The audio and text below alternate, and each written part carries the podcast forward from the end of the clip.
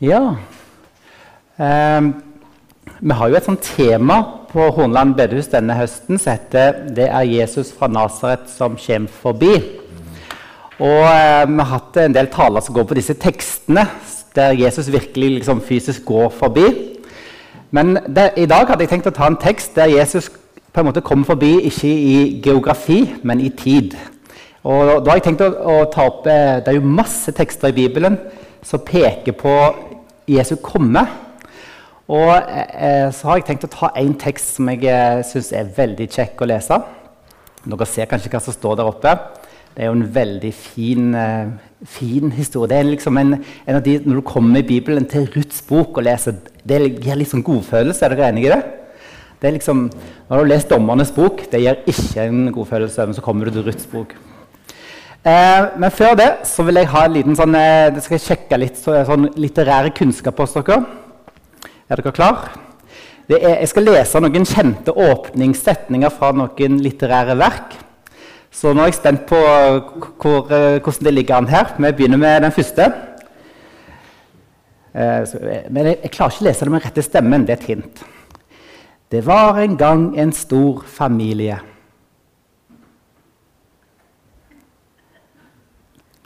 Dere klarer ikke den? Nei. Det er veldig skuffende. Men eh, hvis, jeg hadde hvis jeg, hun som er fortelleren, som også forfatteren, har en litt sånn spesiell, koselig stemme, da vet dere hvem det er. Ja, det er jo Anne-Kat. Vestli, selvfølgelig. Eh, og, og, og, når du begynner å lese det, du kommer litt i stemning da. ikke sant? Du vet at det er mamma og de åtte ungene og dette her greiene. Det er koselig.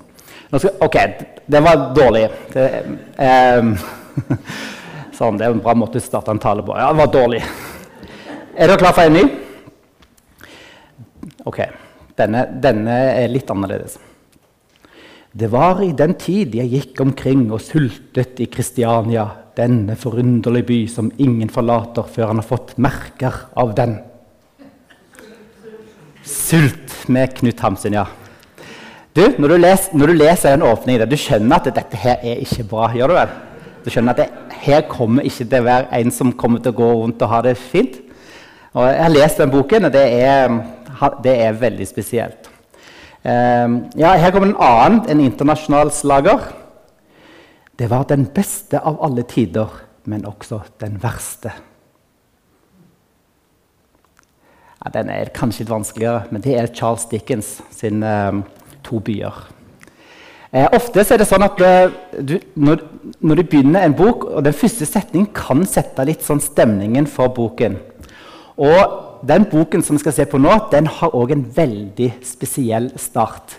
Dere skal få se her. Den, den begynner sånn. I de dager da dommerne styrte, ble det en gang hungersnød i landet. Og Jeg vet ikke hvordan, eh, hvor godt du har satt deg inn i det, men den, de som leste dette, de skjønte at det, Oi, dette var ikke bra.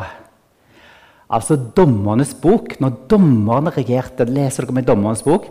Det var, det var ikke, ikke, noe særlig bra tid å leve i. Eh, vi hadde jo en, For noen år siden det er faktisk noen år siden, så hadde vi jo gjennomgang av Dommernes bok. Og Det var liksom litt sånn, eh, nesten litt sånn deprimerende til tider, for det, det var ille. Og Vi hoppet jo over de verste fortellingene i Dommers bok, som er helt til slutten. Eh, for det, det, er så ille. Altså, det er snakk om voldtekt, og det er drap. Og det er altså så elendig tid. Og når du begynner sånn, i de dager da dommerne styrte, du skjønner at det, oi, oi, oi, dette her lover ikke bra. Og så fortsetter det ble det en gang hungersnød i landet. Hvordan var det når dommerne styrte? Jo, dommerne, Det er et refreng som går litt igjen et par ganger i Dommernes bok. og det er dette her. Hver, hver, I de dager var det ingen konge i Israel. Hver mann gjorde som han selv fant for godt. Eller så det står en annen plass, eller i en annen oversettelse. Hver gjorde som han selv, gjør det som, det som var rett i sine egne øyne. Folk gjorde, brydde seg ikke om Gud. Det var eh, avgudsdyrkelse, og det var farlig tid å leve. Det var farer på alle kanter. Det var filistere, det var moabitter, det var aramera. De, de trua fra alle kanter. Men ikke nok med det. Når vi leser Dommerens bok, så skjønner vi at det var ikke bare ytre farer, men òg indre farer. Og Hvis du har eh, mage til det, så kan du lese de to siste historiene i Dommerens bok, så skjønner du hvor ille det var. Det var ordentlig ille. Og nå er vi altså her med hungersnød i tillegg. Og da står det videre Da dro en mann av sted fra Betlehem i Juda for å slå seg ned i Moabs sletteland sammen med sin kone og sine to sønner. Hørtes jo ut å være en fornuftig idé, dette her. Det var hungersnødlandet. Her er det litt ironi. Om dere legger merke til det. Men eh, her er neste quiz. Betlehem, hva betyr det? Betlehem. Det navnet bør dere vite hva betyr, syns jeg. Bet betyr hus. Lehem eh, det betyr brød, altså brødhuset. Betlehem det var Området rundt Betlehem var veldig gunstig for å, å dyrke en del kornsorter osv. Så, så dette var brødhuset. Altså, var, der var det mat. Betlehem. Og eh, så står det her altså i Betlehem der var det altså ikke mat å få. Da er det ille. Men ikke nok med det. Dere vil merke at jeg har farga ut av og til noen ting i teksten. Det er fordi jeg vil at dere skal bli obs på noen ting som blir gjentatt, og som forfatteren vil at vi skal legge merke til. For det, det, det, er ikke bare det at det er hungersnødlandet, men her er det denne familien. De drar altså nå opp til Moab. Og Hvis ikke du tenker om Moab. Høres jo kanskje fint ut, det. Sånn, ja, Vi tar sånn tur til Moab. Skal vi det i helga? Hva skal vi finne på i helgen? Ah, vi kan ta en handletur til Moab. Der har de billig brød. Hm? Nei, det var ikke sånn.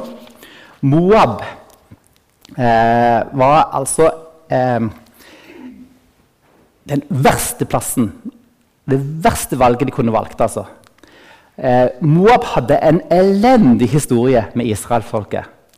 Eh, den begynte, eh, begynte egentlig Jeg vet ikke om dere husker det, men i Sodoma og Gomorra så var det jo denne eh, dommen som kom over det. Så dro Lot med familien ut. Eh, hun er kona hun ble til saltstøtta, det husker dere kanskje. Mens eh, døtrene ble med. Og Så fant de ut at de ville ha barn. Så tørde de ikke gå til disse byene for seg menn. Så de skjenkte faren full, og så lå de med han. Og så fikk de unger. Og en av de ungene det var Moab, og så var det Edom. Og så står det òg i 5. Mosebok om moabittene og for ammonittene. De møtte dere ikke på veien med brød og vann den gang dere kom fra Egypt. Så det skapte et slags fiendskap. da. Og det står at de skulle ikke få lov til å komme inn i forsamlingen. Altså inn i, i Israelsfolket, disse her som drev på med disse avgudsdyrkelsene til moabittene bl.a.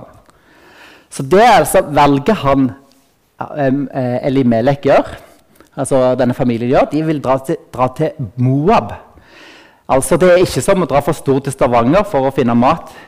Eh, en forfatter han har sammenligna det å dra til Moab som at du finner at det er litt dårlig med mat her i Norge nå. Du, Vi drar til den islam, islamiske stat for å finne litt mat.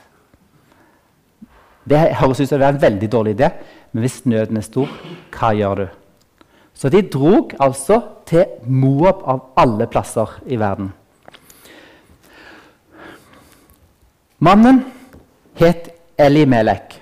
Hans kone Naomi og de to sønnene Malon og Kiljon de var fra Efrat-slekten fra Betlehem i Juda. Nå kom de til Moab og slo seg til der. Det er litt morsomt, for det, eh, det, var på dommertiden der det ikke var noe kongelandet. Men Elimelek det betyr 'Gud er min konge'. Eh, Noomi eh, og mannen de kom altså dit. Eh, hva betyr Naomi? Er det noen som vet? Vanskelig, men det betyr yndig eller hyggelig. Så det var jo fine navn de hadde, disse her. Eh, så alt så ut til å være greit. De slo seg ned der. Kanskje de fant litt brød. Men så skjer det noe trist. Så døde Elimelek, Noomis mann, og hun satt igjen med de to sønnene sine. Å bli enke var ikke noe særlig greit altså på den tiden. Eh, de hadde ikke Nav. De hadde ingen sånne forordninger eh, som, eh, som, vi har i dag. Eh, så heldigvis hadde hun nå disse to sønnene sine til å ta seg av, av Naomi. Så dette kommer jo til å gå greit, kan du tenke deg. Eh, så skjer det noe som er litt rart òg. De tok seg moabittiske koner. Den ene het Orpa, og den andre het Ruth. Og så ble de boende der i omtrent ti år. Å ta seg en moabittisk kone, det var ikke helt bra, altså. Eh, husk det som skjedde i Fjerde Mosebok, det som jeg fortalte om når Balak eh, fikk eh, han her eh, Bilam til å lokke dem. Det var nettopp med disse damene men nå tar de altså til seg moabittiske koner som ikke var helt innafor det som eh, står i loven, egentlig. Um, vi ser eksempler på at, at hvorfor, være, hvorfor, de ikke skulle ta seg koner fra f.eks. Moab. Det står beskrevet i 5. Mosebok, eh, kapittel 7, at sånne ekteskap ikke var helt grei. Og grunnen var ikke av etnisitet, men det var religion.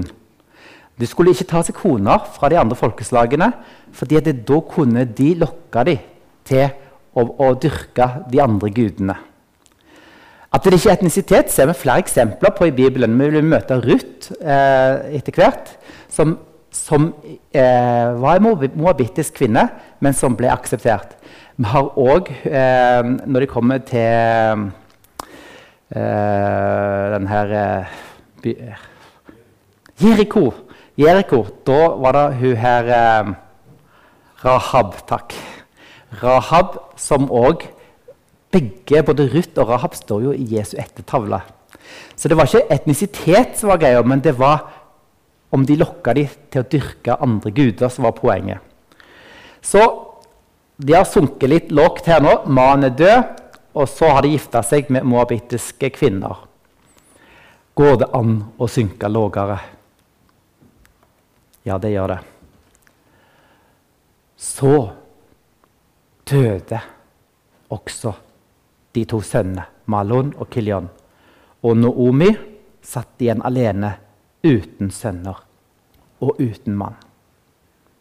Faktisk står det ikke Noomi i grunnteksten. Det står 'og kvinnen satt igjen alene'.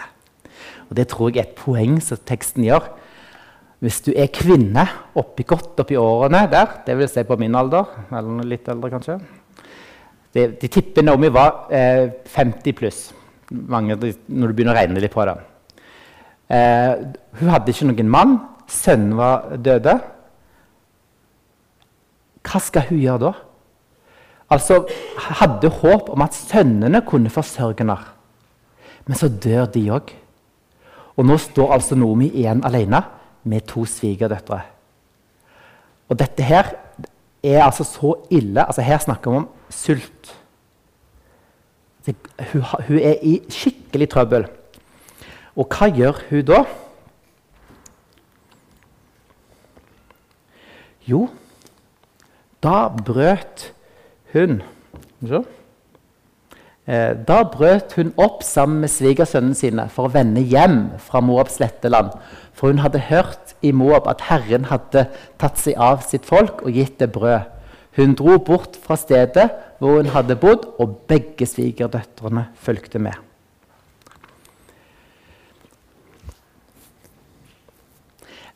De var i en desperat situasjon. De var i et fremmed land.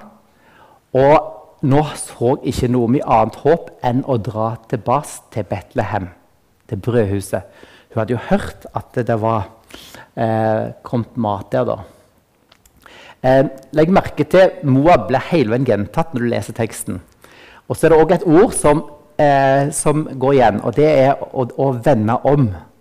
Eh, det blir med litt, oversatt med litt ulike ord i den norske oversettelsen, men det er det samme hebraiske ordet hver gang. Så jeg har markert det med blått. Så det er altså å vende om. Det går gjentas eh, tolv ganger bare i dette kapittelet.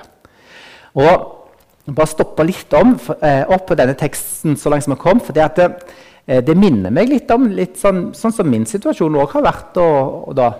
Eh, Moab var et forlokkende land. Der var det mat. Og Kanskje det kan være et bilde for oss på verden. Det er mange fine ting i denne verden som kan forlokke oss. Men vi er fremmed land. Og det å vende om handler om å komme hjem. Hjem til det landet vi egentlig hører til. Eh, Paulus han skriver i Feserbrevet Husk at dere den gang, altså før de ble troende, var uten Kristus, utestengt fra borgerretten i Israel, uten del i pakten og løftet, ja, uten håp og uten Gud i denne verden. I Gamle testamentet var løftene veldig nært knytta til landet, til Israels land. Eh, mens vi ser i Nytestamentet så ser vi at alle disse tingene får sin oppfyllelse i Kristus. Så den omvendelsen de gjør der de drar fra det fremmede land og til Israels land, er et, ikke et så dumt bilde på situasjonen vår. Det vi uten Kristus er utestengt fra borgerretten. Vi har ikke del i Guds rike. Men pga. nåden så får vi lov til å komme. Hør hva Paulus skrev til feserne. Men nå, i Kristus Jesus, er dere som var langt borte, kommet nær pga. Kristi blod. Så vi har fått lov til å vende tilbake til Betlehem, eller til landet. Til det Jesus, det, det Jesus har gjort for oss. Så hun brøt opp, og så vendte hun hjem fra Moabs sletteland. Hun hadde hørt altså at det var brød der. Eh, det at han skriver Moab hele veien, det får minne om hvor hun var henne. Det, husk, det er Moab, Moab, Moab. Eh, denne historien her så langt minner foreløpig veldig mye om en annen historie i Bibelen, som også illustrerer litt dette poenget med å vende hjem fra et fremmed land. Er det noen som kan tenke seg hva historie jeg har i tankene? Ja, den bortkomne sønnen. For han òg var i fremmed land. Og så hadde han det elendig der. Han var i skikkelig nød. Og så finner han ut at han vil dra hjem for å kunne iallfall være tjener kanskje og muligens for faren. Litt sånn, så, sånn som situasjonen her. Eh, Naomi og svigerdøtrene var i nød. Hva håp har de? Vi prøver i fall å komme oss til Betlehem. Kanskje vi der kan klare å livnære oss. Hvorfor var det gunstig å dra til Betlehem? Det var sikkert mat i Moab òg. Vel, du kan se hva som helst om Gamletestamentet og lovene. Noen syns at liksom, det virker, virker, så mange så strenge, disse lovene. Jeg tror kanskje du skal lese dem litt flere ganger da. Fordi når du leser loven, så oppdager du etter hvert så du leser og blir mer og mer kjent med den, at det er godhet i loven. Den er god. Israelsfolket hadde én forordning som var unik for dem. Det står gang på gang i Det gamle testamentet at Gud har omsorg for enker, farløse, fattige og innflyttere. De fattige, de som var trengende. Derfor var det en lov som sa at når de, når de hadde innhøsting, så fikk de ikke lov til å gå tilbake og samle inn det som de ikke fikk med seg på første gang de gikk og tok kornet, eller det de mista på veien. Det skulle ligge igjen, så de fattige kunne samle opp. Og De fikk heller ikke lov til å gå helt ut i kantene når de, når de samlet inn kornet. Det som var ute i kantene, skulle være igjen, så de fattige òg kunne få noe å livnære seg på. Gud har omsorg for de fattige, de som er i nød. Denne forordningen finner du ikke i de moabittiske lovene eller de andre. Så det var et håp her om å komme tilbake til landet. Da ga de seg i vei for å vende tilbake til Juda. Men Naomi sa til sine to svigerdøtre.: Snu og gå tilbake, altså vend om. Vær til sin mors hus. Måtte Herren vise godhet mot dere, slik dere har vist godhet mot de døde og mot meg. Måtte Herren gi dere begge trygghet og la dere finne et hjem, hver i sin manns hus. Naomis situasjon var jo håpløs. Var ikke så håpløs for disse svigerdøtrene. For de var jo relativt unge. Så de hadde sjanse til å finne seg en mann igjen og som kunne forsørge henne. Og Noen moderne lesere syns det er litt sånn rart å lese om mannens rolle. og sånn, Men husk, vi må lese ut fra den kulturen dette er skrevet i. Kvinnene den gangen hadde ikke sjans alene. Så de hadde altså, både Orpa og Ruth hadde nå en mulighet til å vende tilbake, finne seg eh, noen eh, menn, altså hver sin mann, sånn at framtiden deres var sikra. Håpet deres var på en måte ikke ute der. For Naomi derimot, så var det verre. Men hun ville sine svigerdøtre bare det beste. Så hun sa at dra hjem her med meg har dere ikke noe særlig sjanse. Dra hjem og finn dere en sin mann. Så står det Så kysset hun dem, men de brast i gråt. Faktisk, Brast i gråt er litt svakt, for det står at det, de heva stemmen. står det på grunnteksten. Så her var det ikke sånn tårer og sånn, men det var hyling. altså. De var ordentlig lei seg. Og sa til henne, 'Nei, vi vil følge deg tilbake til ditt folk.' Men Naomi sa, 'Vend tilbake, mine døtre. Hvorfor skulle dere følge med meg? Skulle jeg ennå føde sønner som dere kan få til menn?' Vend tilbake, mine døtre. Gå nå. Jeg er gammel. Jeg er for gammel til å bli gift. Og selv om jeg tenkte at det ennå var håp for meg, ja, om jeg allerede i natt fikk en mann og til og med fødte sønner, skulle så dere vente til de ble voksne? Skulle dere stenge dere inne og leve uten menn? Nei, mine døtre, det er mer bittert for meg enn for dere, for Herrens hånd har rammet meg. Noomi hadde ingenting å tilby dem. Um, men det kunne jo vært en sjanse her, for det, jeg vet ikke om dere kjente det, men det er noe som kalles for svogerskap i Gamle Testamentet. Eh, det gikk ut på at hvis en, eh, en, far, en sønn døde, eh, så, og, enke, og, det var ei enke igjen, og det ikke var sønner, altså de har ikke hatt fått unger, så skulle da broren ta seg av, ta, overta eh, konen. Og så skulle de da få barn, og da ville den første sønnen tilhøre den, den, som døde. Og på den måten skulle navnet til den døde bli, bli båret videre. Eh, vi, ser, vi, ser, eksempel på denne praksisen i 1. Mosebok kapittel 38. Eh, der står det om, om Er. Da sa Juda eh, som, eh, som døde Er var jo en av sønnene til Juda. Og når han dør, så eh, skal jo neste overta. Og hvem var det? Jo, det var Onan. Men Onan han eh, står eh, eh, altså Er sier Gå inn til din brors kone og gjør din plikt som svoger.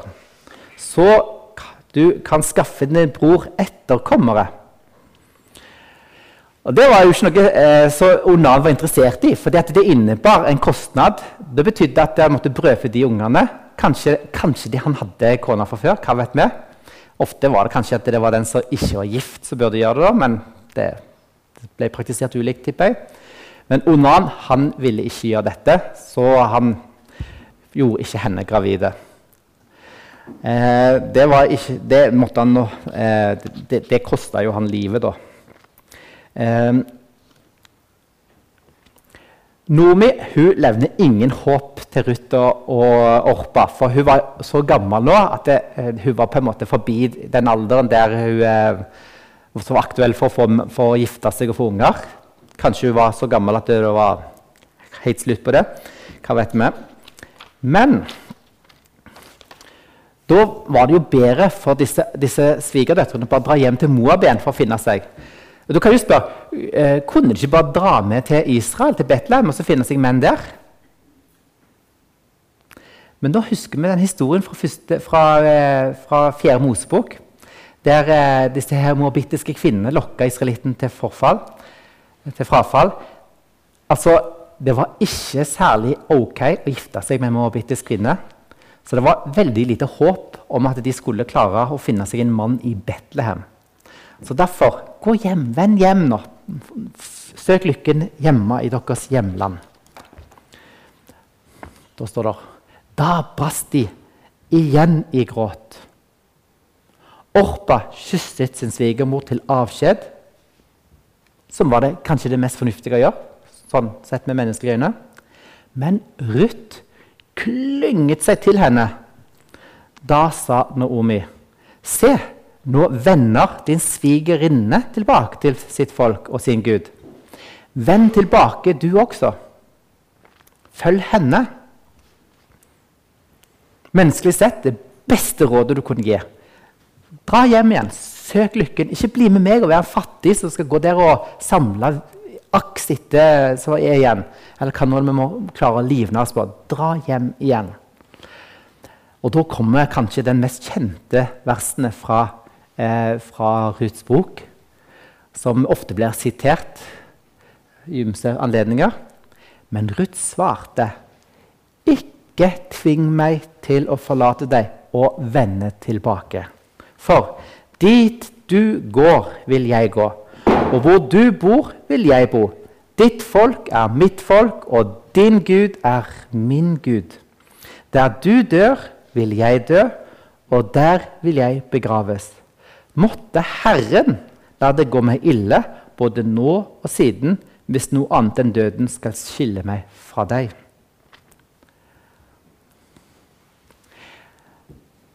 For en erklæring! Hun velger altså, om det så måtte være hva som helst Hun ville være med Noomi. Og det er ikke nok med det, men noen kaller dette for, eh, for Ruths omvendelse.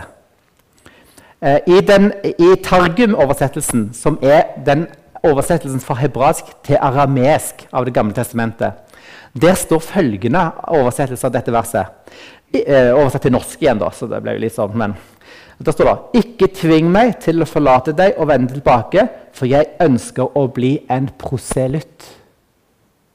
Du vet, En proselytt det var en person som gikk fra en annen religion over til jødedommen. Eller til, til Israels religion. Så hun, hun, hun, hun forlater Moab ikke bare geografisk, men òg religiøst. Ruth vil nå være en del av dette folket, israelsfolket. Hun vil høre til, til det landet. Legg òg merke til at det, det, det blir tydeliggjort hva som står her. For det, det står 'måtte Herren' La det gå meg ille. Det, det står i, i sånne store bokstaver.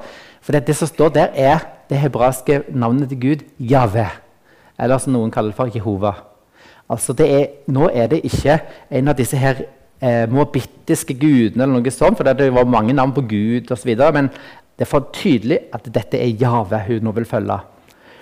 Eh, det var jo ofte sånn på den tiden at det, det var Hvert, hver sånn område hadde sine guder. og De var veldig sånn, eh, geografisk. Folk så på gudene som geografisk, eh, hadde geografiske herredømme.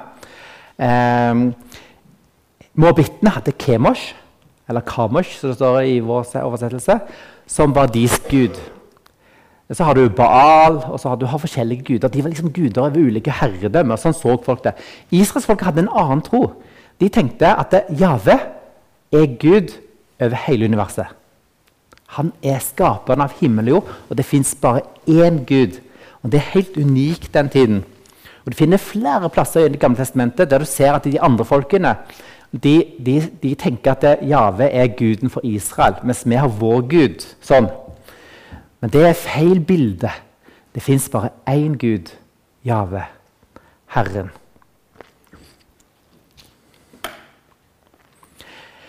Ruth hun, eh, hun, velger altså nå å følge eh, Nomi. Og dette minner meg litt om en annen som eh, ble spurt om noe som også eh, kunne vende seg fra en person. Da tenker jeg på Peter. For dette, i, i, Johannes kapittel 6 så eh, har Jesus det, menneskelig sett den dårligste vekkelsestalen som fins. Han hadde ikke blitt ansatt i sånne megakirker. altså, det kan jeg love dere. For Jesus han går fram og sier at hvis dere ikke spiser mitt legeme, så kan, hører dere ikke, hører dere ikke meg, til meg. Og Det var jo helt utenkelig at de skulle spise legemet til Jesus, hans kropp. Så folk syntes at dette var harde ord av Jesus, så de begynte å forlate ham der. Én etter én gikk. Hvorfor gjorde Jesus det? Kunne han ikke bare sagt at det, det, vi aksepterer alle som dere er, så bare ikke tenk på det. Det går fint, dette her. Nei, nei. Dere må ta del i meg. Dere må spise min kropp, sier Jesus. Og så skjønner de ikke dette, og så forlater de. Den ene etter den andre forlater Jesus. Vender vekk fra ham. Nå, skal vi være veldig forsiktige med å tenke at eh, Orpa var en sånn som bare vendte seg vekk fra Det blir, å, dra, å, å, dra, teksten for langt. Men Jesus spør Peter dere da, hva vil dere gjøre. Og Da sier Peter eh, han sier, 'Herre, hvem skal vi gå til?' Du har det evige livs ord, og vi tror og vet at du er Guds hellige. Og jeg tror at Ruth har sett noe av dette, hun òg. Moab var sikkert fint. Det var sikkert mat, og hun kunne få seg en mann og starte familie og få unger osv. Men hun har fått oppleve noe av Herren.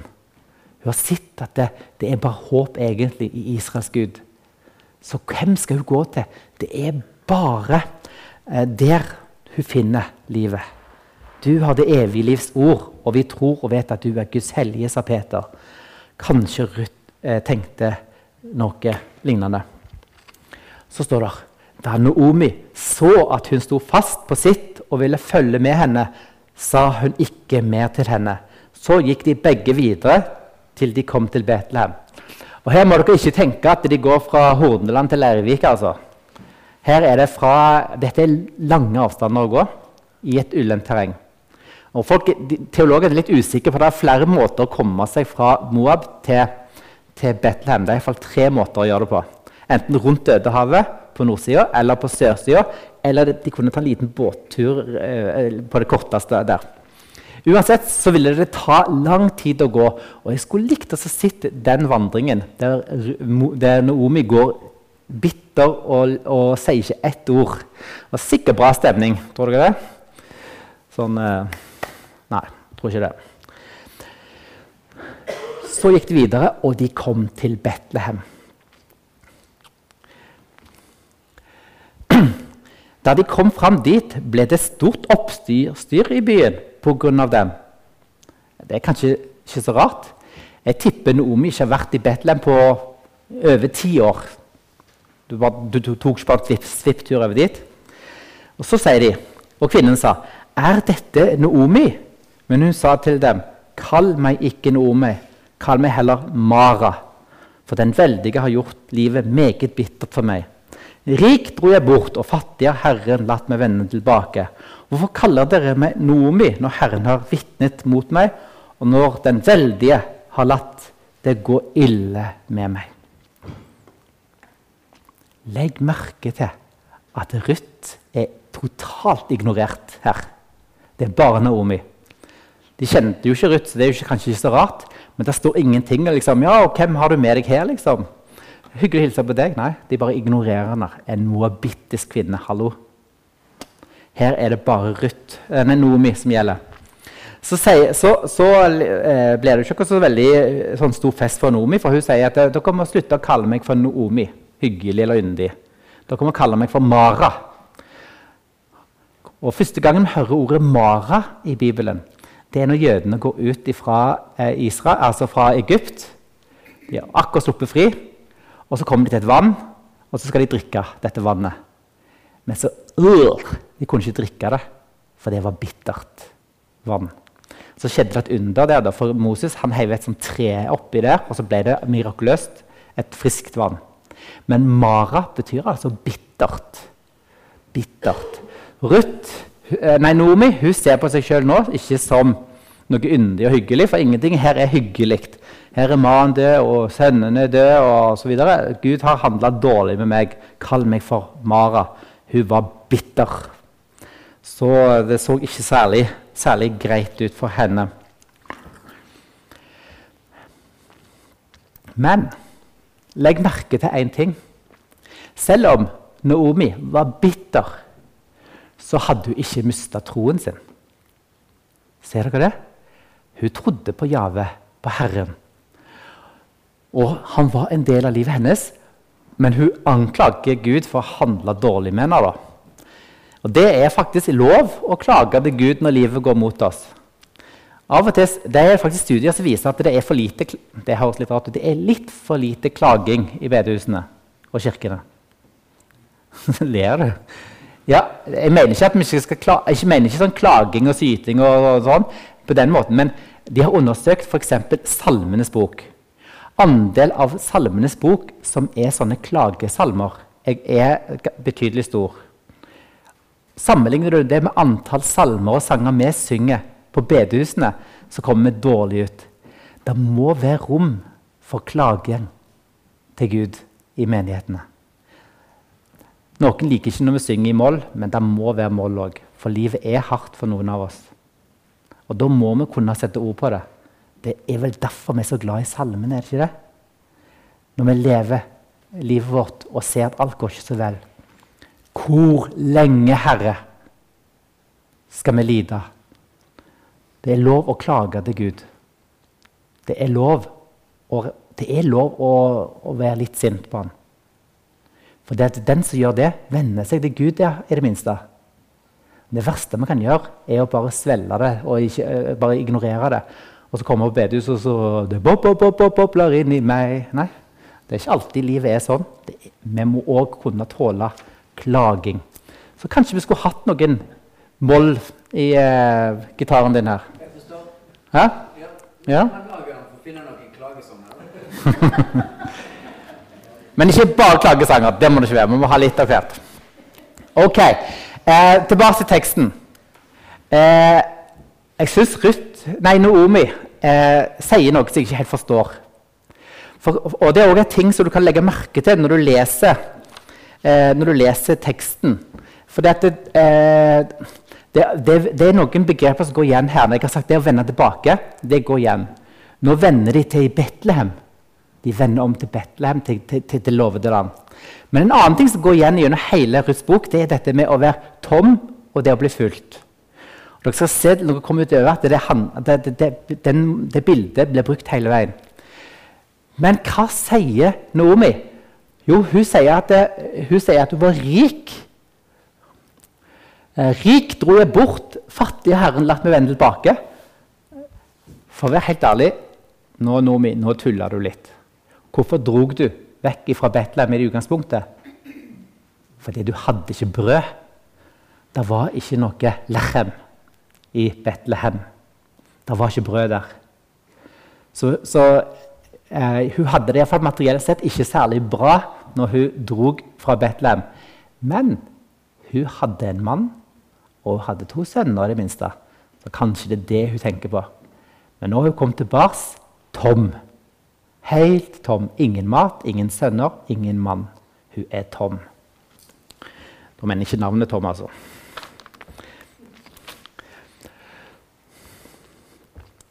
Så står det Slik vendte Noomi hjem. Og svigerdatteren, Moabit-kvinnen, fulgte med henne tilbake fra Moabs sletteland. De kom til Betlehem da bygghøsten, eh, bygghesten tok til. Og sånn slutter kapittel 1.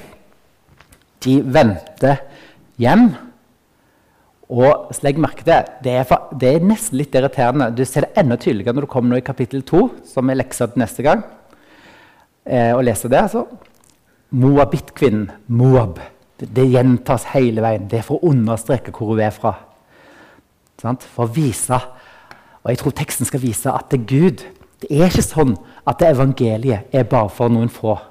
Evangeliet er for alle, også fra, for en moabit-kvinne som vender om og kommer til landet. Og de kommer her, og det er håp her. Vi aner håp allerede her.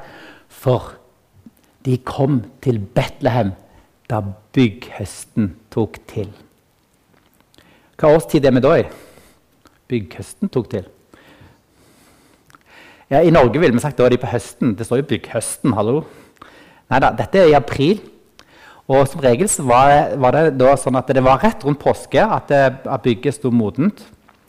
Og eh, det de gjorde, var eh, at de hadde en, en, høytid i forbindelse med dette, som kalles for førstegrøde. Det betyr at det førstegrøden av kornet skulle ofres til Herren. Da tok de et sånt knippe med korn, og så svingte de det. De hadde en sånn ritual i tempelet. Og det, det, får, det, det, er litt sånn debatt i, i rabbinsk litteratur hva tid det skulle være. Men eh, det, det, står noe om neste sabbat, så de lurer på hva tid er det, men det er i forbindelse med de usyrede brøds høytid at de gjorde dette. Så det er litt debatt om det er sabbaten før påske eller sabbaten i påsken vår. kan du si. Mens når vi leser Johannes-evangeliet, så skjønner vi at dette skjedde på den påsken, altså i påsken når Jesus hadde dødd og lå i graven. På den sabbaten svingte de kornet. Og da skjønner du her at det er kanskje noe som ligger her unna og peker fram. For hva leser vi om Jesus?